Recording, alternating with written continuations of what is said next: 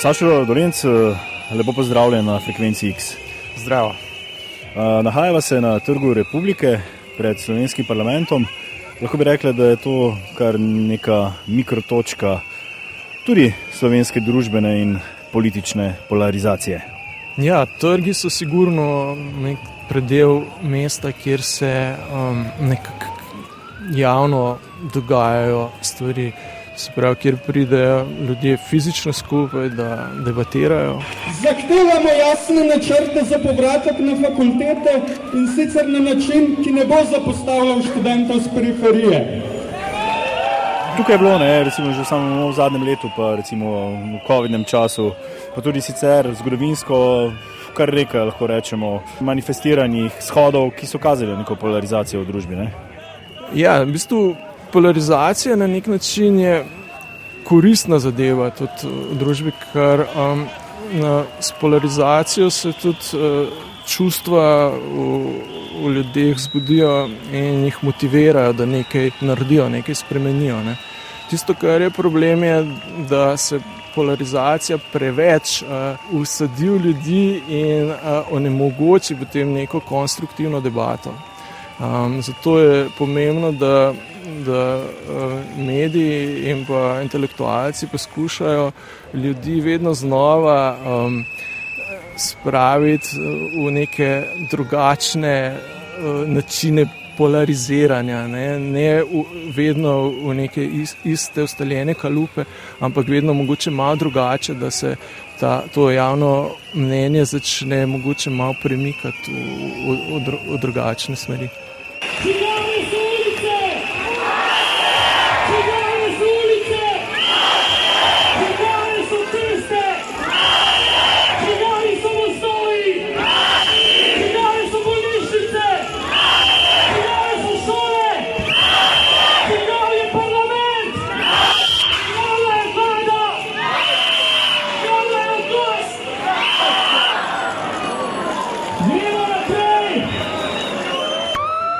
Radijski laboratorij na valovih znanosti.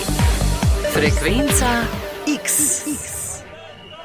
Verjetno se nam je vsem že kdaj zgodilo, da smo se znanci zapletli v pogovor o pomembni temi, a nam kljub intenzivni izmenjavi argumentov nikako ni uspelo zbližati stališč. Čeprav smo se sprva trudili, da bi argumente prikazali čim bolj nazorno in razumljivo, smo sčasoma ugotovili, da dodatni dokazi ne bodo prav nič pomagali pri premagovanju razlik v naših pogledih.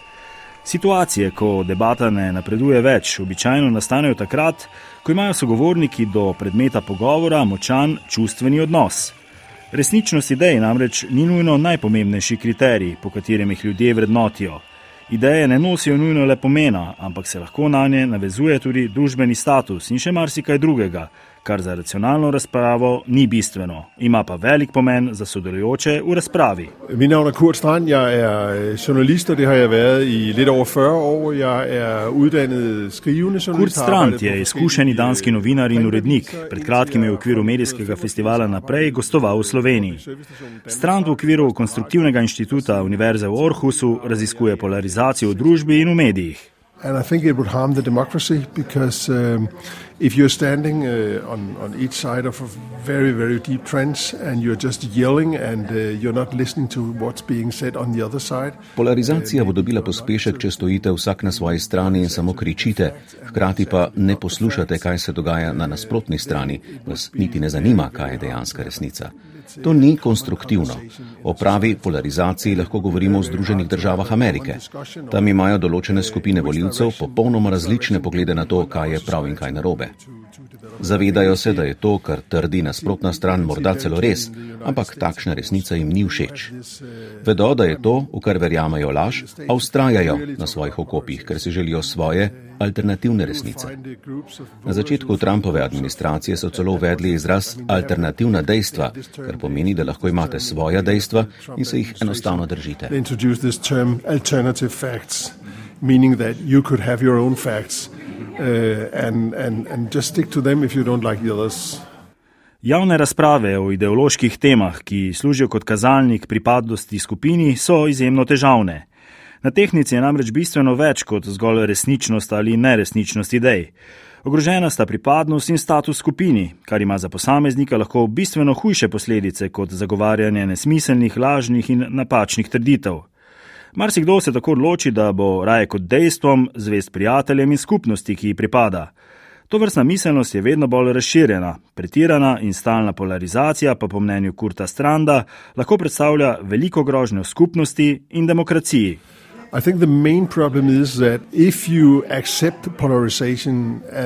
Če sprejmeš polarizacijo v družbi kot dejstvo, potem sprejmeš tudi to, da včasih koplješ globlje jarke, kot bi jih bilo v resnici treba.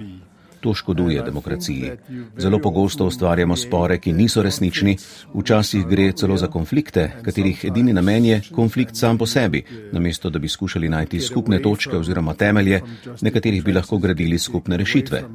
In morda bi lahko na koncu ustvarili boljše rešitve za celotno družbo.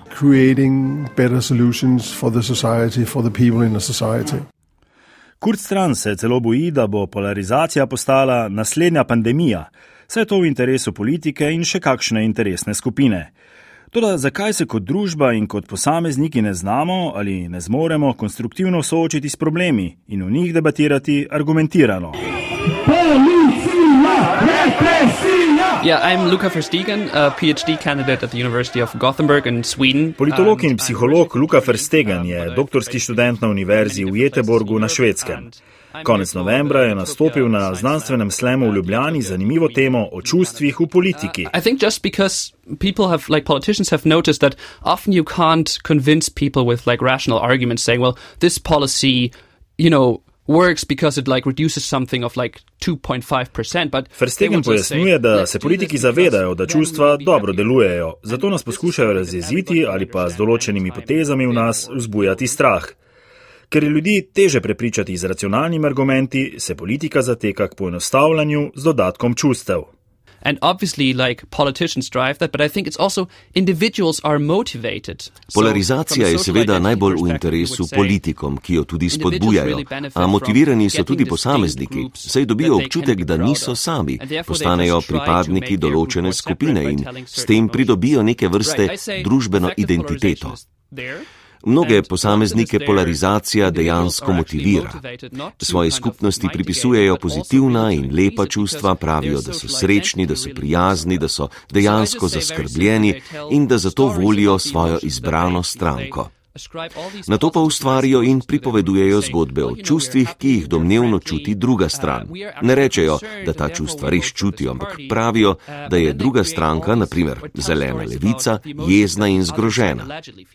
Vse bolj se kaže, da ljudje dejansko niso racionalni in ne sledijo temu, kar je za nje najpametnejše, ampak jih pogosto vodijo subjektivne zaznave, čustva in notranji občutek what is smartest for them, but they are often really just driven by subjective perceptions, emotions, and gut feeling. Verstegen ocenjuje, da radikalno desne voljivce čustveno aktivirata predvsem jeza in pa tudi nostalgija, nekakšno hrepenenje po že minulih časih, ko nam je šlo bolje in je naprimer veljal red. Pri voljivcih radikalne levice je čustvo, ki pogosto prevladuje, strah. Močno je prisotno tudi nezadovoljstvo z družbeno in ekonomsko neenakostjo. Right, I mean, like emotions also really like enable us to do like pro-social things, right? So for example, guilt, where Čustva nam tudi omogočajo, da smo družbeno odgovorni. Tako je recimo z občutkom krivde, za katerega bi veliko ljudi reklo, da ni lepo čustvo, a nam omogoča, da smo družbeno odgovorni. Če se naprimer počutimo krive zaradi zgodovine svoje države, naprimer zaradi kolonializma, pogosteje podpiramo očkodninske scheme. Podobno, če smo sočutni do beguncev, jih bomo bolj verjetno podprli. Pri pomembnih temah ni nujno, da se povsem povsem znebimo svojih čustev. Stopimo korak nazaj in racionalno pogledamo, kaj čutimo oziroma ali si želimo, da čustva vodijo naše vedenje in odločitve.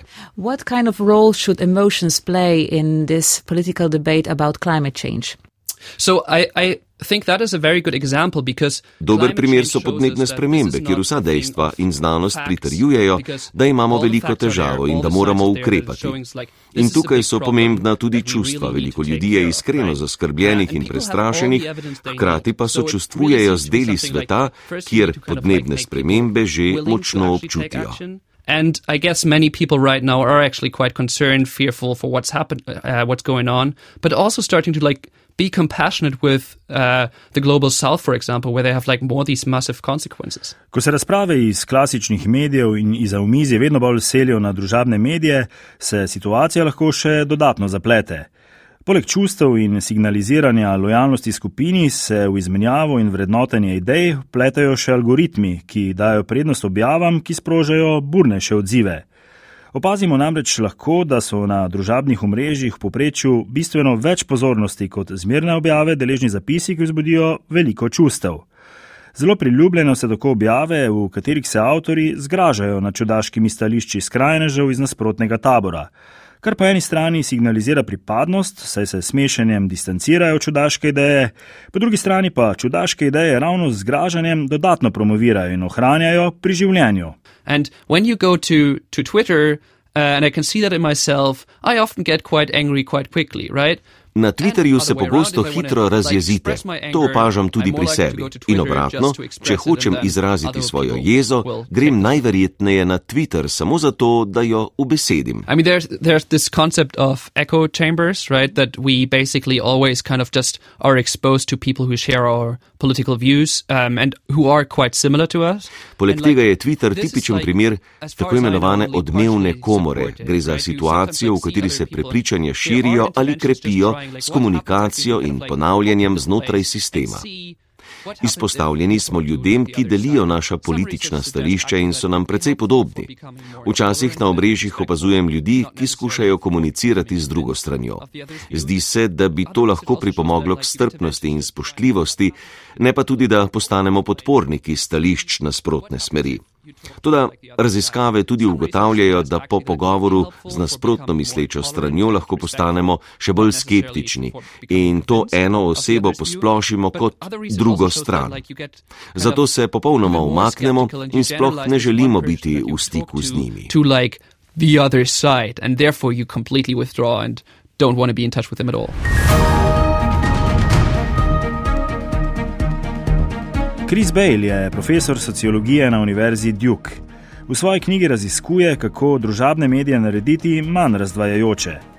Ugotavlja, da vidijo uporabniki družabnih medijev svet skozi nekakšno medijsko prizmo, ki dodatno krepi ekstremizem. Ob tem pa opozarja, da moramo biti pri iskanju krivcev za situacijo pazljivi.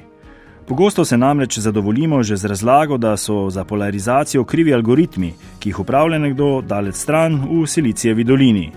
Samodejno prikazovanje objav vsekakor nosi del krivde za polarizacijo, a nas nikakor ne razbremeni odgovornosti. Pomembno je, da iščemo načine, kako bi lahko izboljšali raven javne razprave tudi na družabnih omrežjih, ki so postale pomemben del izmenjevanja informacij in stališč v sodobni družbi.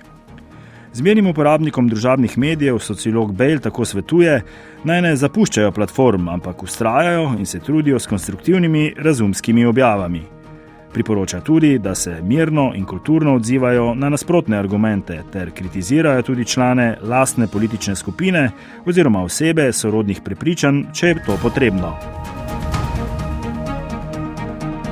Kot pripoveduje novinar Kurt Strand, imajo na Danskem nekaj dobrih izkušenj z moderiranjem spletnih razprav, kjer se striktno zagovarja dejstva in opozarja na lažne novice, a je to lahko učinkovito le, kadar ne sodelujejo anonimni uporabniki. Slednje pa je na družabnih omrežjih praktično nemogoče izločiti, ker to ni v interesu korporacij. In tako smo priče astroturfingu, lažnemu ustvarjanju javnega mnenja. Yes, I'm, I'm on Twitter, I'm on Facebook, I'm on LinkedIn, and I'm on Instagram as well. So, uh, not using it very much, but. Uh, Sam sem prisoten na Twitterju, Facebooku, LinkedInu in na Instagramu. Ne uporabljam jih veliko. Tako kot večina sem bil najprej navdušen, zdelo se mi je, da bomo s tovrstnimi razpravami okrepili demokracijo, a zgodilo se je ravno nasprotno. Družabna omrežja demokraciji škodujejo. Seveda je zato enostavno kriviti tehnološke velikane. Niso edini krivci, a njihovo usmerjanje algoritmov je sporno. To počnejo načrtno in podpihujejo konflikte, skrajne in sovražne razprave, kar je ne nazadnje razkril tudi nekdanji uslužbenec Facebooka.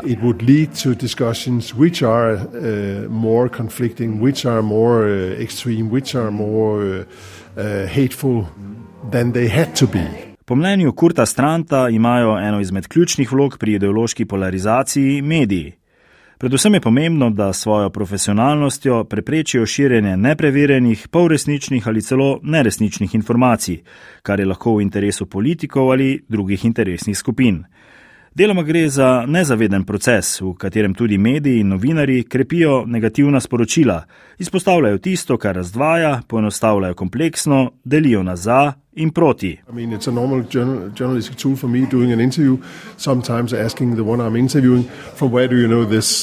What are, what are your documentation for what you're actually saying here? I mean, using those tools Pri intervjujih zato vedno vprašam, odkot to veste. Imate dokumentacijo, ki potrjuje vaše argumente. Ko gre za politične razprave v oddajah živo, je zaradi množice mnen in izrečenih informacij težko preizpraševati prav vse povedano, ker ne morete takoj preveriti vseh dejstev. A na švedski televiziji imajo politično pogovorno oddajo, v kateri že med oddajo preverjajo dejstva. Politiki, ki sodelujejo v oddaji, se zavedajo, da ekipa novinarjev sproti preverja njihove izjave in trditve, ter da bo voditelj že v času oddaje jasno izpostavil, da so njihove trditve manipulativne. In ker politiki to vedo, so bolj previdni, ne govorijo stvari, ki so popolnoma trapaste in nerealne. They don't just uh, put out things which are totally crazy and totally so on. Danski novinar Kurt Strand dobro pozna dogajanje na območju nekdanje Jugoslavije. Predvsem je negativno presenečen nad ideološko polarizacijo v nekaterih balkanskih državah, kjer so mediji polni lažnih novic, osebnih diskreditacij in zelo profanih interesov. Zanimalo nas je, kakšne pa so razmere na Danskem. Uh,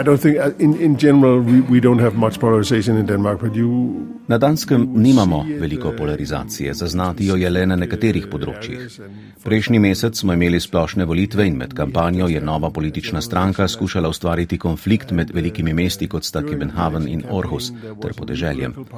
S ciljem pridobivanja glasov voljivcev z periferije so želeli ustvariti konflikte med ljudmi, ki živijo v mestih in med tistimi iz podeželja. Šlo je za lažno polarizacijo, ni uspelo. Tudi med pandemijo smo na Danskem imeli polarizacijo, izpostavili so se nasprotniki cepljenja in ljudje, ki niso zaupali oblastem. Gre večinoma za osamljene primere. Nujno je, da se novinarji in mediji dobro zavedamo polarizacije in da vsakič, ko opazimo njene znake, skušamo ugotoviti, kaj je zadaj, kdo in zakaj ima določene interese. Z ljudmi moramo govoriti in jim dati glas talking to them, giving them a voice, trying to find out what is up and what is down in this. Radijski laboratorij na valovih znanosti. Frekvenca X.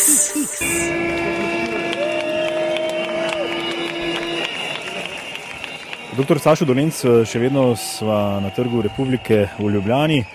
Kot smo rekli na začetku, to je neko mikroprizorišče, kjer se je morda največkrat v zgodovini Slovenije, vsej moderni zgodovini Slovenije, manifestirala tudi polarizacija.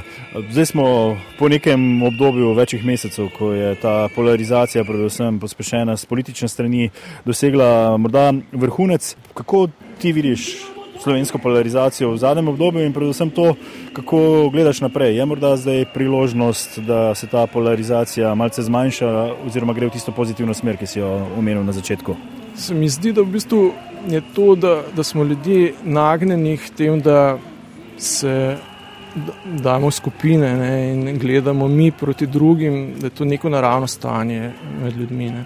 Da, da se to preseže, se pa treba posebej truditi. To se ne zgodi samo po sebi.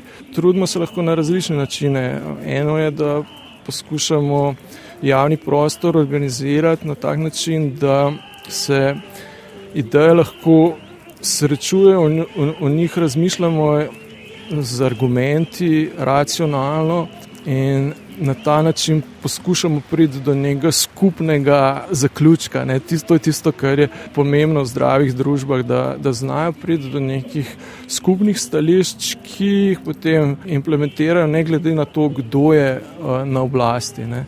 Uh, in tukaj smo mogoče v Sloveniji malo slabi in bi se mogoče dalo s skupnimi močmi kaj premakniti. Um, predvsem na področju medijev in pa politike, ker politiki je velikrat uh, lažje imeti uh, polarizirano družbo, ker je v taki družbi politično lažje funkcionirati, eni in drugi strani. Ne. Je ja, morda tu zaznati kakšne pozitivne premike, je ja, morda se stroka, ne zadnje tudi znanost, bolje organizirala, zna jasneje izpostaviti svoje stališča. Ne na zadnje smo bili priče tudi neki revitalizaciji civilne družbe v neko drugo smer. Ne. Če samo spomniva, tudi tukaj so bili uh, shodi v podporo čisti pitni vodi, naprimer, pa še, še kakšni neki tej demokratični družbeni dobrini.